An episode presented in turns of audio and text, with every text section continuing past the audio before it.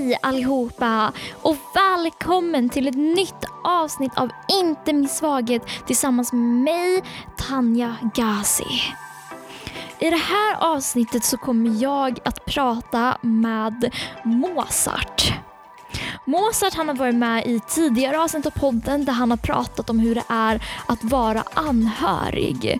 Och idag så kommer han dela med sig av hur det har varit att vara tillsammans med någon som har bipolaritet. Han kommer dela med sig av hur det kändes i olika perioder och sina tips kring hur man kan tänka när diagnosen påverkar ett förhållande. Mozart kommer att dela med sig av sina tankar och hur han har känt kring att vara tillsammans med någon som har bipolaritet. Och det vill jag verkligen betona för det är verkligen olika för alla. För vissa kan det gå väldigt bra med goda strategier, för andra mindre bra. Så det här avsnittet handlar väldigt mycket om hur viktigt det är att ha strategier i ett förhållande för att få det att funka om diagnosen kan påverka förhållandet. Så jag vill verkligen att du tänker på att det här är Mozarts perspektiv och det här gäller inte för alla och hur viktigt det är att kommunicera kommunicera om sina behov. Så tusen tack för att du klickade in på det här avsnittet. Jag hoppas att du lär dig något. Du får gärna återkoppla på Instagram och vad du har lärt dig. Varmt välkommen till att lyssna.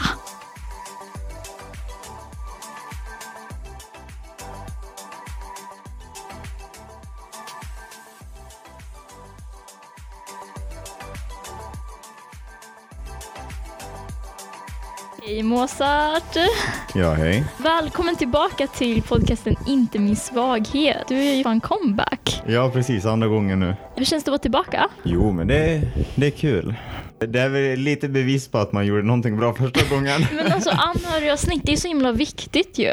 Du gästade ju podden i avsnitt 6 Ja, då du pratade om hur man ska vara ett bra stöd för, ja, men för personer med funktionsvariationer och det avsnittet det blev uppskattat. ja precis. Det är ju det är betydligt fler som är anhöriga än folk som faktiskt har en diagnos att säga. Så det, det är kanske lika viktigt det i så fall. Ja, gud ja. Det tycker jag också. Och du är ju retoriker. Ja, ja om, man, om man nu får lägga den titeln så ja. Retoriker, före detta bartender. Före detta och framtida bartender. Retoriken och bartender, inte illa. Singel dessutom. Ja, ja, ja det, det också. Men du berättade till mig att du dejtar någon nu. Ja, jo, jo men det gör jag. Vad spännande. Ja, man, man får se hur det blir. Man tar ingenting i förväg. Nej, men precis. Och idag tänkte jag att vi skulle prata om med dina förra relationer, hur de har sett ut, men hur det är att liksom vara tillsammans med någon som har en diagnos. Och det ser ju såklart olika ut för alla. Eh, vilka diagnoser hade dina flickvänner? Ja, jag skulle nog vilja säga att den relationen där det var mest tydligt, då hade ju hon bipolaritet. Jag förstår. Hur var det att vara tillsammans med hon som har bipolaritet? Det var väl lite grann, men det var väl lite grann så som bipolaritet är. Den, den berg och dalbana. Det går upp och det går ner och det finns vissa perioder då, då det är lite bättre och då det är lite sämre. Vissa gånger kan man göra någonting för att underlätta eller för att hjälpa till och ibland så är det bara acceptans som gäller. Jag tänk, en sak jag tänker på när det kommer till bipolaritet, men när personen kan komma i sina depressiva perioder. Hur var det när hon kom till de perioderna? Hon var ju ändå så pass familjär i sin diagnos och hade en hel del erfarenheter med, med relationer och kunde mycket om sin diagnos. Det första som hände var att jag fick en förvarning när vi började dejta. Hon sa det, jag kommer be dig att dra åt helvete. Jag kommer säga att jag hatar dig. Jag kommer säga att jag inte vill ha någonting med dig att göra. Och 99% av tiden så kommer det inte liksom vara helt, gen- det må vara kännas genuint då, men det har med diagnosen att göra. Hur kändes det då när du fick höra allt det? Jo, men man var väl beredd. Man var väl beredd på det. Jag var väl otroligt, otroligt accepterande. När hon väl är i de perioderna, då är det bara att ta det lugnt, backa lite. Hon, hon visste ju själv att hon bara ville vara ensam då liksom. Och då, ibland handlar det om att hon ville att man skulle skicka något meddelande då och då där det var typ, ja men god morgon. Och i, ibland då, framförallt i, mot slutet av relationen, kunde det gå dagar, veckor eller ibland månader då det inte sades ett ord. Det, det jag sa när jag fick förvarningen i början var Äh, men det är lugnt, det är ingen fara, det löser man. Jo, men det är klart att det tar på en. Man, man blir påverkad av det. Hur blir man sådär accepterande? Att man mer tänker på den andra personens behov? Hur gjorde du? Det är ju det är lite knepigt. Framförallt med, med tanke på i vissa depressiva perioder. Hon var ju inte jättebra på det här med känslor. Det uttrycktes inga kärleksfulla känslor egentligen. Även fast man, man visste med sig att de fanns där så uttrycktes de inte. Och, Vilka känslor då menar du? Ja men bara så här, ja, men så här allmän kärlek. Och då är det så här, ja men man visste att ibland så behövde hon vara med med vänner och vara med familjen och man kunde se hur hon var social och aktiv och sånt. Bara att det var just du som person som blev isolerad från hennes liv liksom, som hon inte ville ha kontakt med bara för att det fanns mycket känslor där. Då får man lägga sitt ego åt sidan. Man får tänka att nej, men det har ingenting med mig att göra egentligen. Det har ingenting att göra med att man själv har gjort något fel, eller att man är otillräcklig, utan det bara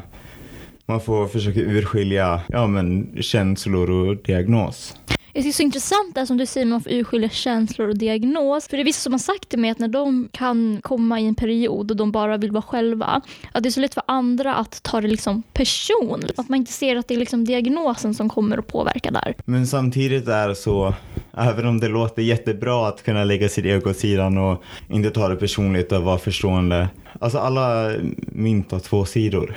Alltid. Jag var ju i det förhållandet i fyra, fem månader längre än vad jag egentligen borde ha varit. Det är så lätt när man väl är i det att tänka att ja, självklart, de, de kan inte styra av att de har en diagnos. Men personen med diagnos har fortfarande lite grann av en skyldighet att hitta ett sätt att hantera det, alltså hantera relationer i samband med sin diagnos och liksom själv kunna göra det de kan. Båda sidor ska ta och ge. Ja, jag gav så mycket jag kunde men fick aldrig någonsin tillbaka framförallt mot slutet. Och då är det lätt att ta bipolariteten som, som en ursäkt. Att nej okej, okay, ja men hon behandlade mig inte jättebra där och hon kanske gjorde misstag där och där och jag kanske inte mår så jättebra i relationen. Men det är ju på grund av bipolariteten liksom.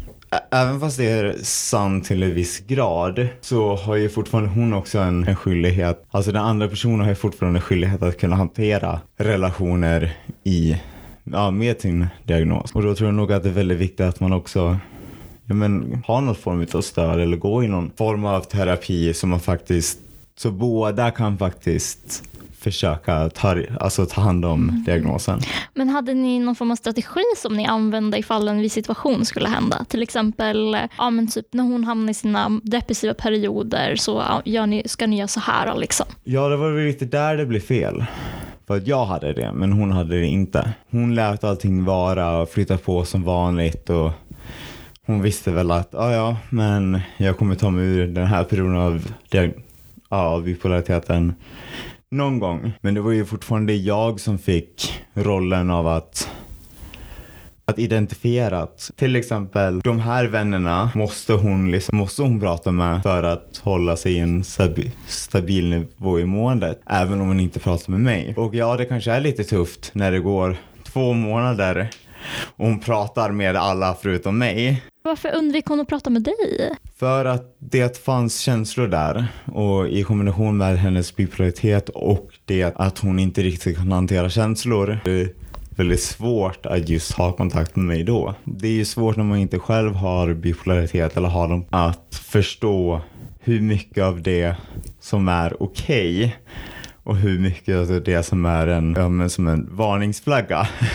och det är just där som kanske all den här äh, acceptansen och mitt sätt att lätt kunna ja, men släppa mitt egna ego. Där det kanske blir till en svaghet istället för en styrka. Och även där blir det svårt att se, ja men förstår, förstår de sig på hennes problematik och att de kommer ifrån ett håll där de har väldigt mycket brist på information. Eller kommer det från att de genuint förstår och ser vad det är som händer? Det blir en väldigt stor klarhet där. Där hamnar man i den här debatten. Ja, men är, är diagnosen en, en ursäkt? Är det ett sätt att lätt kunna vara så här, äh, den här personen beter sig på ett väldigt skevt sätt? Använder de då diagnosen som en som en förklaring eller använder de den som en ursäkt? Använder de som en flykt eller för att det är en genuin anledning? Det är väldigt svårt när man inte själv har den diagnosen eller den erfarenheten. Samtidigt som du sa, diagnoser är alltid olika beroende på vem man pratar om. Jag har ju en vän som också har bipolaritet.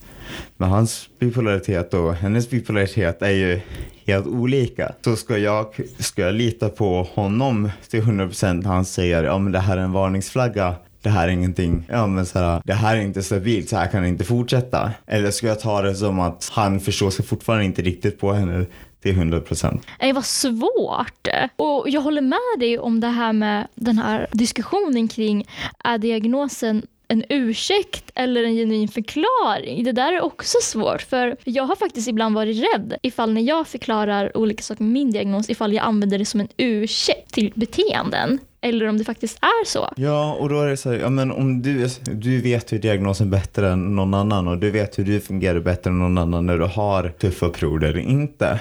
Men då är det också så här äh, om man får hintar av att en person är manipulativ och de har en väldigt, ja hon hade en väldigt, väldigt grov bipolaritet. Hur vet man om det Ja, men så om det är en ursäkt eller ett manipulativt redskap. Eller hur vet man liksom om det är en, en, en genuin grej som de vill ha hjälp med. Framförallt om du, ja men som i min situation, är personen som, de, som är den första som de pushar iväg så fort de hamnar i en tuff period, ja men då kan inte jag göra någonting. Och hon gick inte till terapi för att hitta lösningar för sin diagnos heller. Jag tror nog att det är nog det viktigaste man kan göra. Ja, men främst för dig själv om du har en diagnos så är det jättebra att gå i terapi och lära sig att hantera den och veta hur man ska agera när man hamnar i olika situationer. Och kunna ja, men få hjälp med att bearbeta det mm. själv. Men om inte annars så är det en trygghet för den andra. För att i alla relationer handlar om att båda parterna måste försöka. Och det var nog där det blev fel. Jag var den enda som, som jag för tydligt försökt. Och sen när den som har bipolaritet har pushat iväg dig i, i fyra månader och inte sagt ett ord och du dessutom inte är säker om de ens försöker. Det blir väldigt svårt att avgöra vad som är vad. Och du kan inte fråga heller. Med tanke på att du är den personen som de behöver pusha ifrån. Så det blir det blir svårt på ett sånt sätt. När det gick de där fyra månaderna hon hörde inte av sig, hur kom det sig att du fortfarande var kvar? Helt ärligt, det var inte bara en konversation om varför är du ens kvar under den perioden. Det var väldigt många sådana mellan mig och de som kände mig bäst. Jag befann mig i en, då det var en människa som jag hade faktiskt känt känslor för i en sån hög grad som jag inte hade känt för någon annan förr. Och sen så måste jag också säga att jag var jävligt dum. Vi hade totalt dejtat i, dejtat slash varit i ett förhållande i nästan ett och ett halvt år. När jag sedan tog slut på förhållandet så fick jag som respons att det aldrig har varit ett förhållande och det visade sig att ingen som hon kände ens visste om att jag och hon dejtade. Jag hade ändå gått ett och ett halvt år. Då, ha, då hade jag ändå varit hemma hos henne en gång. Jag hade pratat med flertal av hennes vänner så de visste ju ändå vem jag var. Men hon hade inte berättat för någon att vi hade någonting på G. Hon hade träffat nästan alla mina närmaste vänner och inför dem så var hon väldigt tydlig med att vi hade någonting. Så det var ju också så här äh, ett litet bevis på att alla de här varningsflaggorna faktiskt var seriösa, de faktiskt fanns där. Men sen är det ju såklart att, ja men det blir väldigt svårt att veta. Framförallt när det är långdistans och du har den här grova bipolariteten som är i vägen inom citationstecken. Och då är det så ja men då kanske det hade använts som ursäkt en hel del gånger. Jag vill aldrig någonsin vara den som säger när de när någon säger ja men jag ligger i en väldigt, väldigt låg period i bipolaritet. Så jag vill inte vara den som ifrågasätter det. Det är ju självklart att jag kommer aldrig någonsin ifrågasätta någon när någon säger att de har det tufft med sin diagnos. jag, jag tjänar ju ingenting på det. Om inte annars så framställs jag som ett enormt rövhål. Om någon är i en väldigt djup depression och de har inte motivationen till att göra någonting. Vad ska jag säga då? Ja, men gå upp och gör det bara. Så, men det, det är ju klart att jag inte ifrågasätter det. Och då blir ju mitt val blir ju ja men vara en så pass stark stöttning som du bara kan. Och det är ingenting som jag någonsin skulle avråda någon från att göra. Jag, det är det bästa du kan göra som, som anhörig eller ja, men när du befinner dig i en relation med någon. Men det är väl så det är väl klart att du hjälper till. Framför allt om du är i en relation med någon. Det viktiga här är att, att det gäller inte bara när en diagnos är inblandad. Det gäller alla relationer. Såklart så gör du det du kan men du kommer alltid vara sårbar när du gör det. Du kommer alltid vara sårbar när du, när du alltså ger det ditt allt. Och när du offrar din, din tid och energi eller vad det nu må vara. Oavsett om du är i en relation och det inte finns några problem. Du kommer alltid vara sårbar bara för att det finns känslor inblandade. Bara för att du blir sårbar av det så är inte det en anledning till att skita i det.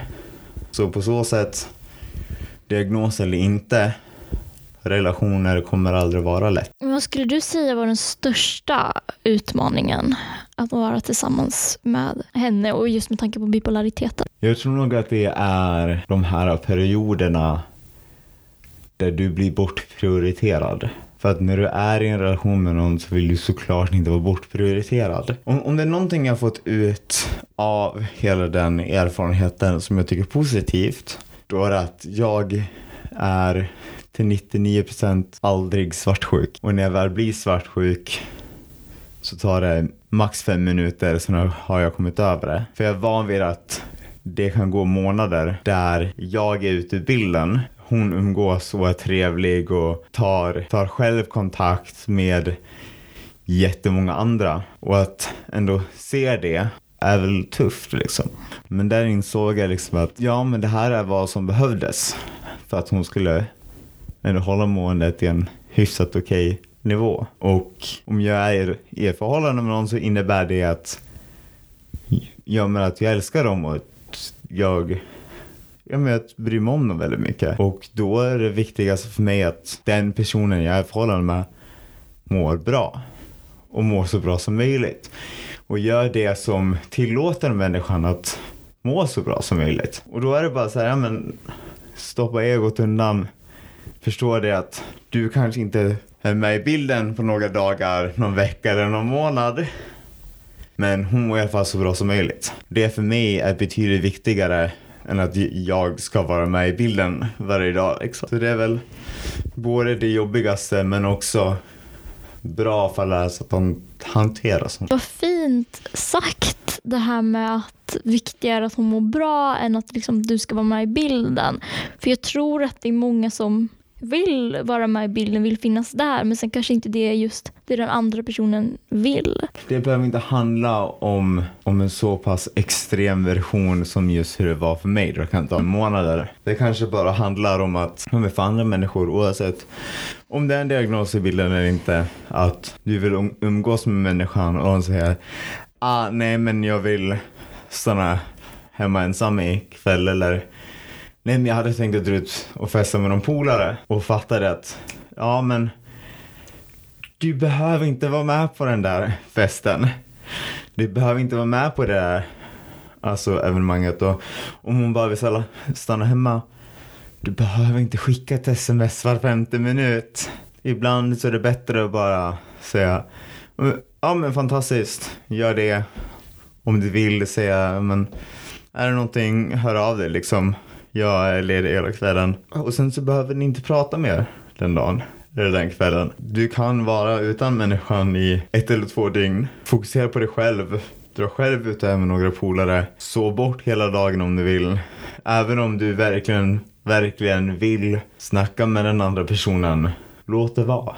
Alla behöver sin egen tid. Om man tänker efter, man själv vill inte att någon ska skriva varje fem minuter i, alltså så här, konstant i flera veckor. Då vill inte alltså, jag att den där telefonen ska plinga en gång var femte minut. Ta inte åt dig. Det har, ingen, det har ingenting med med dig att göra. Ja, jag har varit i relationer där folk får hitta på saker och jag har sagt nej för att vi sitter i telefon med en polare i fyra timmar. Ja, men gör det liksom. Och, och det är väl samma precis som det här, ja men som jag tror att alla har hört att, men bara för att du eh, är tillsammans med någon, men glöm inte bort att ha ett socialt liv med dina polare. Glöm inte bort dina hobbys. Du ska kunna ha din egna tid. En relation betyder inte sitt fast i varandra dygnet runt. Det kommer ingen orka. Det kommer vara så utmattande. Verkligen. Jag tänker på det här med att, ha, men att båda har liksom sin egna identitet. Ja. Och sen så är med varandra. Liksom. Men kände du med den här, äh, den här tjejen som har bipolaritet att du ändå liksom fick din egna tid? Och, ja, det fick du de fyra månaderna. ja, ja. Um, Men liksom att du ändå kunde prioritera dig själv fast det var mycket uppmärksamhet kring henne. ja, jo men absolut. Jag tror nog att det var nästan lite tack vare diagnosen också. Sen fanns ju lite, an, lite annan problematik där. Hon hade enorma tillitsproblem. Och det var tillitsproblem som tydligt, tydligt, tydligt, tydligt skulle ha hanterats via terapi. Och inte via mig att försöka bevisa någonting. Även om jag fick väldigt mycket egen tid ibland, nästan lite för mycket vissa perioder, så fanns det även perioder där jag knappt fick ha en egen tid. Och det fanns också perioder där, där vi hade kontakten dygnet runt i flera veckor. Och det var fine och det tröttade inte ut någon av oss. Och sen rätt vad det var så gick det ifrån Ingen kontakt. ingen kontakt alls. Jag tror nog egentiden och den tiden som det inte var någon egen tid alls, då de perioderna i sig inte var ett problem, så blir övergången ganska konstig. Och om du inte har ett starkt självförtroende då, är det lätt att det fastnar i skallen. Då man börjar tänka på, men vad har jag gjort för fel och vad hade jag kunnat gjort annorlunda och varför jag helt plötsligt ute ur bilden. Och då är det helt enkelt, ja men det är helt enkelt så har du inte självförtroendet nog så kan det sabba för en och i värsta fall kommer det inte fungera alls. Och där måste man också kunna se förbi sina egna känslor och vara lite så här, ah, det här kommer inte funka. Här, Om du har två personer utan självförtroende. Det ligger en grov bipolaritet där. Och då så får man helt enkelt se det som att synd, men då vet jag det tills nästa gång. Nästa gång jag börjar bli intresserad av någon och jag ser liknande mönster, då kanske man slipper den här, man slipper känna sig sårad, man slipper problematiken, man slipper de onödiga argumentationerna. Jag tror nog också där är någonstans som jag har haft ganska lätt för mig, är det att så fort, det, så fort en relation är slut för mig, då försvinner alla känslor. Och så blir det, ja ja, nu får vi se vad som händer i framtiden. Inte det att efter det så jagar jag efter en ny relation.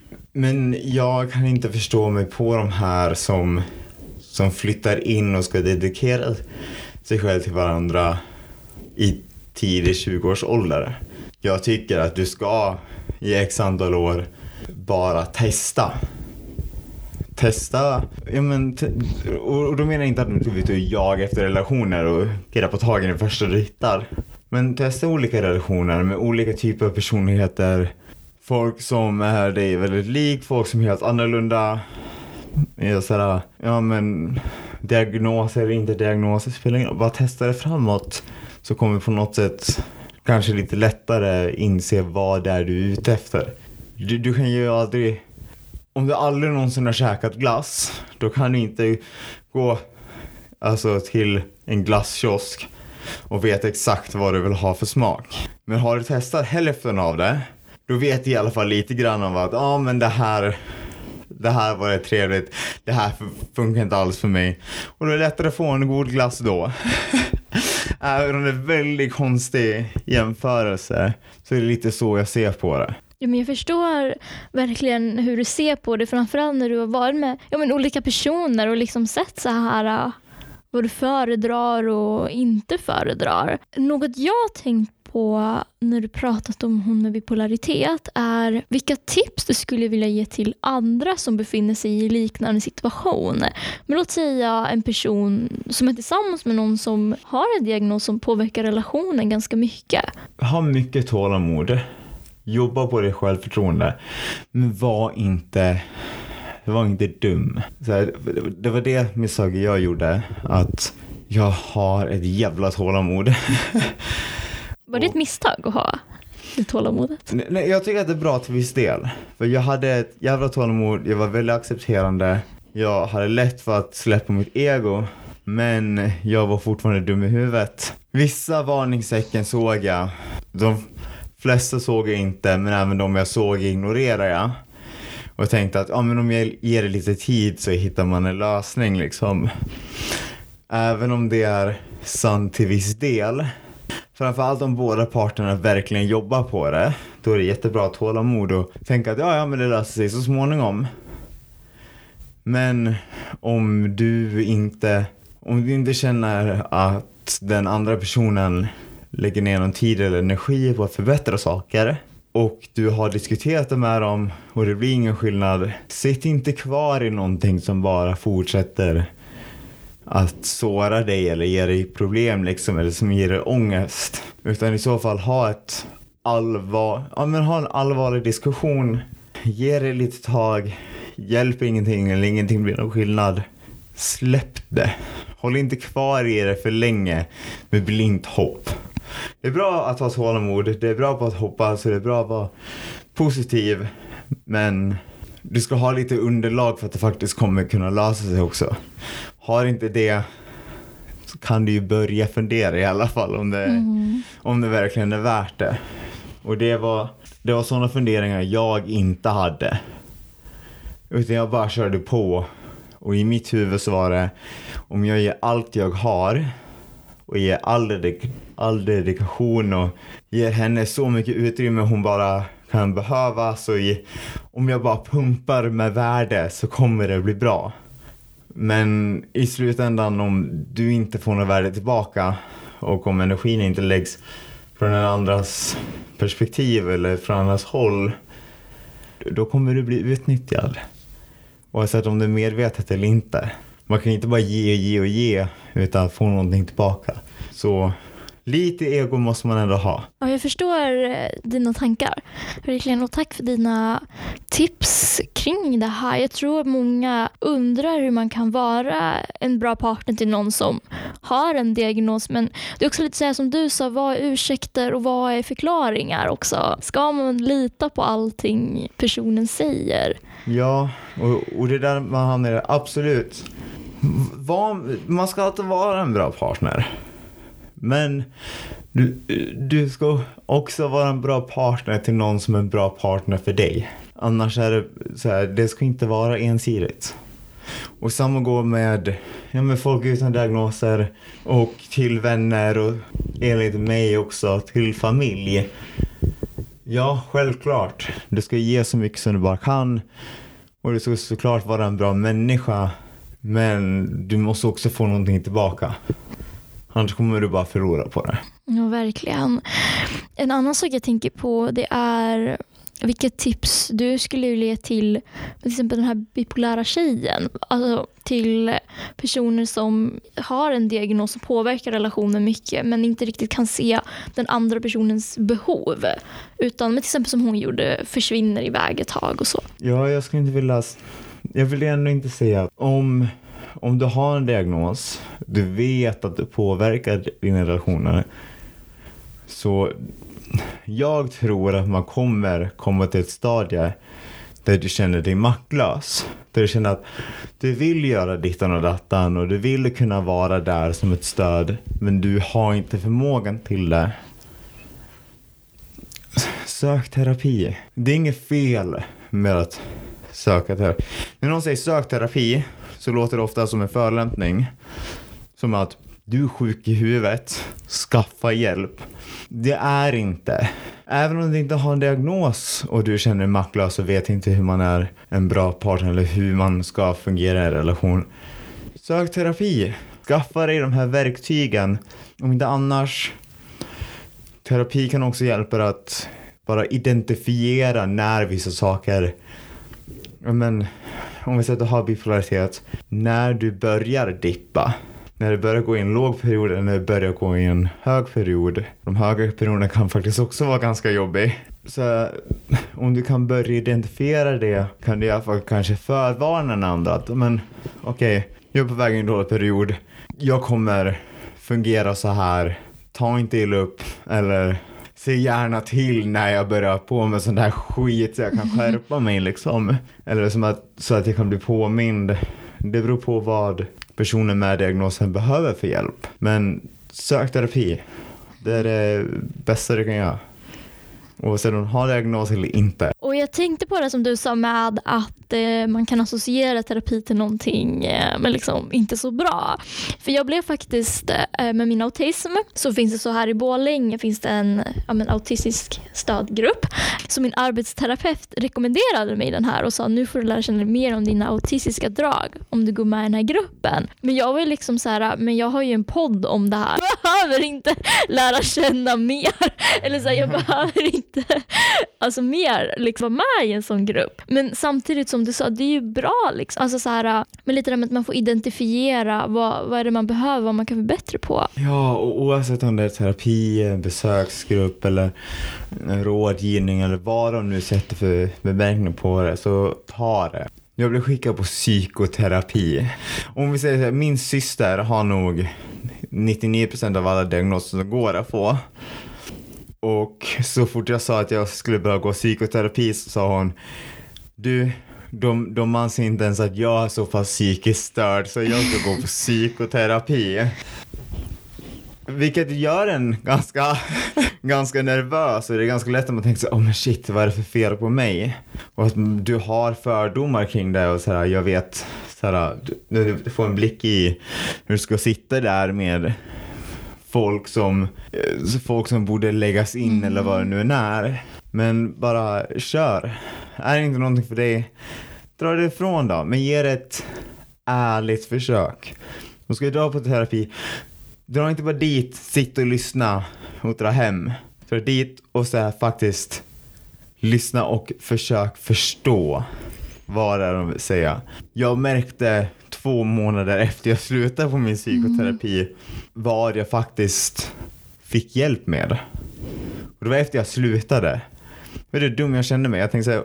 om jag hade kunnat identifiera det här vid andra eller tredje samtalet.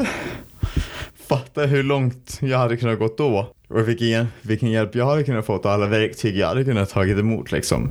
Men även om du bara får ett verktyg eller en skift i din mentalitet eller en, en liten tankebit så har du fortfarande fått någonting för det. Ta bara lite tid. Ja, ganska mycket. ja. ja. men hur mycket tid och energi tar inte att gå runt och må, må dåligt eller störa dig på saker som du tror är utom din hjälp? Det är så sant. Så det är värt det. Kör på. Det värsta som kan hända är att det inte funkar. Jag tror verkligen, som du sa, att om man har en diagnos som på, man vet att den påverkar relationer. Den, gör, den påverkar så man får beteenden som man kanske inte tycker om att man får. Liksom. Att terapi kan hjälpa och man kan se vad, vad man behöver bli bättre på. Och det är det som är så bra när du är den personen som inte har diagnosen. Att komma ihåg att det må vara tufft för dig men det är nog tuffare med den med diagnosen. Att veta med dig att jag kommer inte fungera som vanligt nu. Och jag kommer ha de här problemen och shit, det finns ingenting jag kan göra åt det liksom. Det är jobbigare mm. än att du som partner eller anhörig känner att åh oh nej, nu kommer de vara sura. Och, och, så sant! Och störa sig på mig mer än vad de brukar liksom och inte ha tålamod med mitt bullshit. Bara nej, buhu. Det är så sant. Gud, jag önskar flera kunde tänka sådär.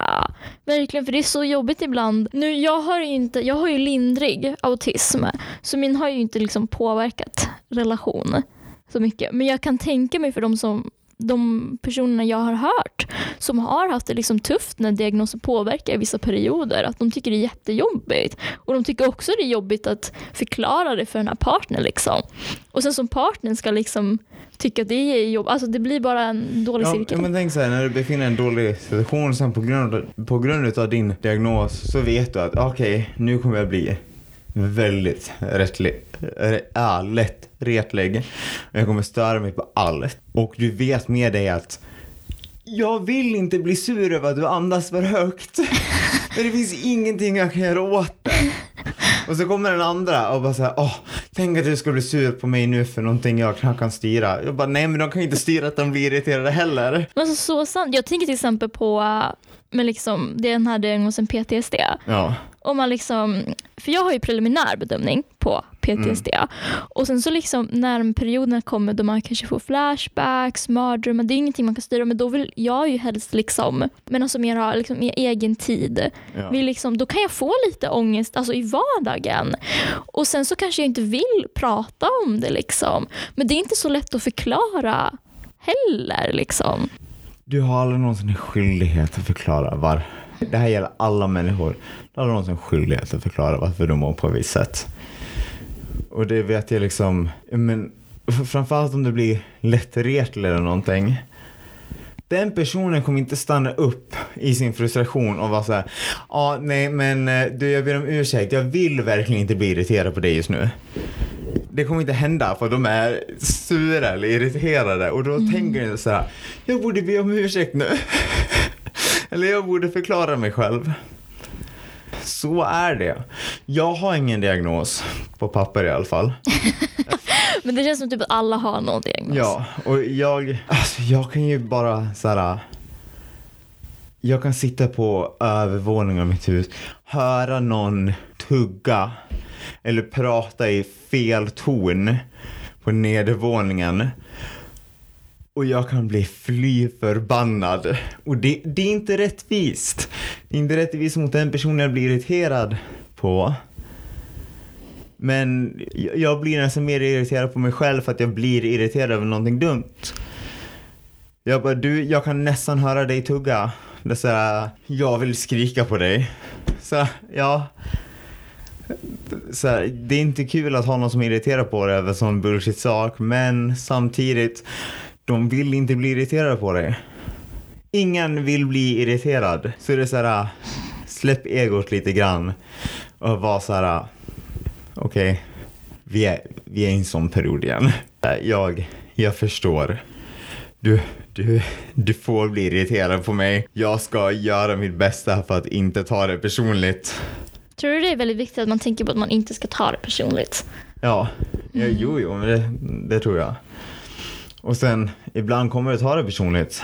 Men när perioden är över, då kan man diskutera och säga du, det här var lite jobbigt för mig liksom. Och de säger du, jag, jag menar verkligen inte. Jag har en polare som fortfarande är för, förbannad på mig över att jag över att jag inte hade räknat majskorn på en majskolv snabbt nog trots att jag hade gjort det. Och han skrek på mig i en hel dag över det. Gud. Ja, han, han skäms fortfarande över det. Och, och sådär, jag, jag vet varför nu i efterhand. Jag tycker att det är jätteroligt. Han skäms. Han tycker att det är jätteroligt. Shit happens. Om du råkar störa på det extra mycket, ja men diskutera det då. Istället för att du ska gå runt och vara irriterad över det eller ha tagit illa upp över det. Och sen så gör du det i flera månader och sen visar det att det inte var någon big deal alls. Så det, det är bara du som förlorar på det. Ja men verkligen. Och som du sa liksom tidigare, att vill man så här, äh, att satsa på relation, men att båda försöker. Liksom, och det kan ju komma de här svåra perioderna, men då får man jobba sig igenom det. Men det är inte bara och bara. Nej, nej, det är aldrig något som bara vara. Och har det svårt att inte ta det personligt. Tänk så här.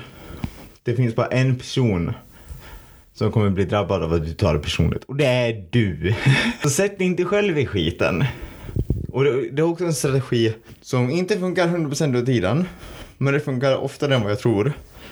Och det är när jag har ångest över någonting. Så tänker jag bara det så här, men alltså varför ska jag gå runt och ångest över det? Så här, jag tjänar ingenting på att ångest över det.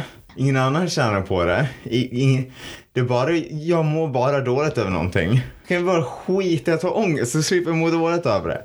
Och ibland så funkar det. Men gud ja. Så tro inte att du kommer få ångest någon gång och sen så tänker jag, äh, nu skiter jag i det här och sen kommer det funka. Nej.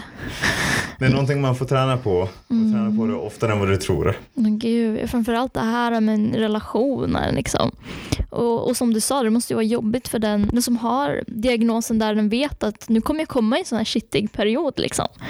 Ja. Och jag kan inte kontrollera det. Och vanligtvis så är den bästa strategin är att man båda har en konversation över det och tänker varför stör vi oss på det här? Varför bråkar vi över det här? Det är en obetydelse. Alltså sådär, det betyder ingenting. Det spelar ingen roll. Vi båda tycker om varandra, släpper det. Men diagnos blir det betydligt svårare. Men du kan fortfarande försöka.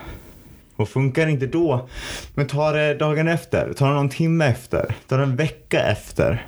Men bara ta upp det så, man är, så båda kommer överens om att vi släpper det här. Det här är idiotiskt. Mm, men verkligen. Men tusen tack Mozart för alla dina tips kring relationer.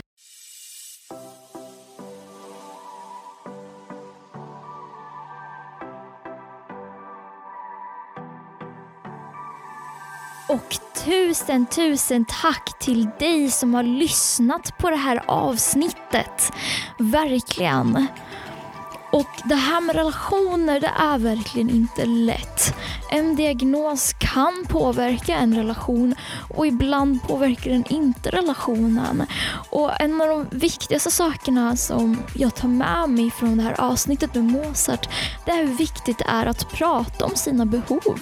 Att berätta att det kan finnas perioder där diagnosen kan påverka förhållandet och att komma fram till olika strategier kring vad man kan göra i olika situationer.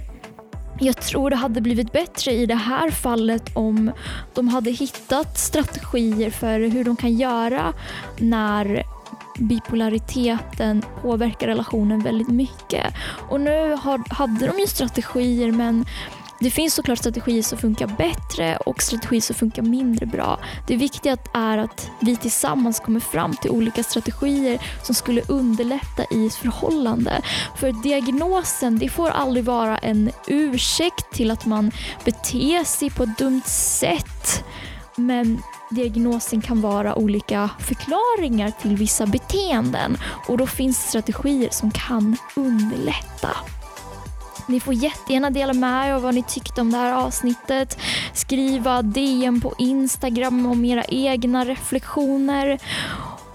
Och är det något ämne kring relationer och funktionsvariationer som ni skulle vilja ha med i podden, då är det bara att skriva på Instagram. Tack igen för att just du lyssnar på det här avsnittet. Vi ses igen i podcasten Inte min svaghet.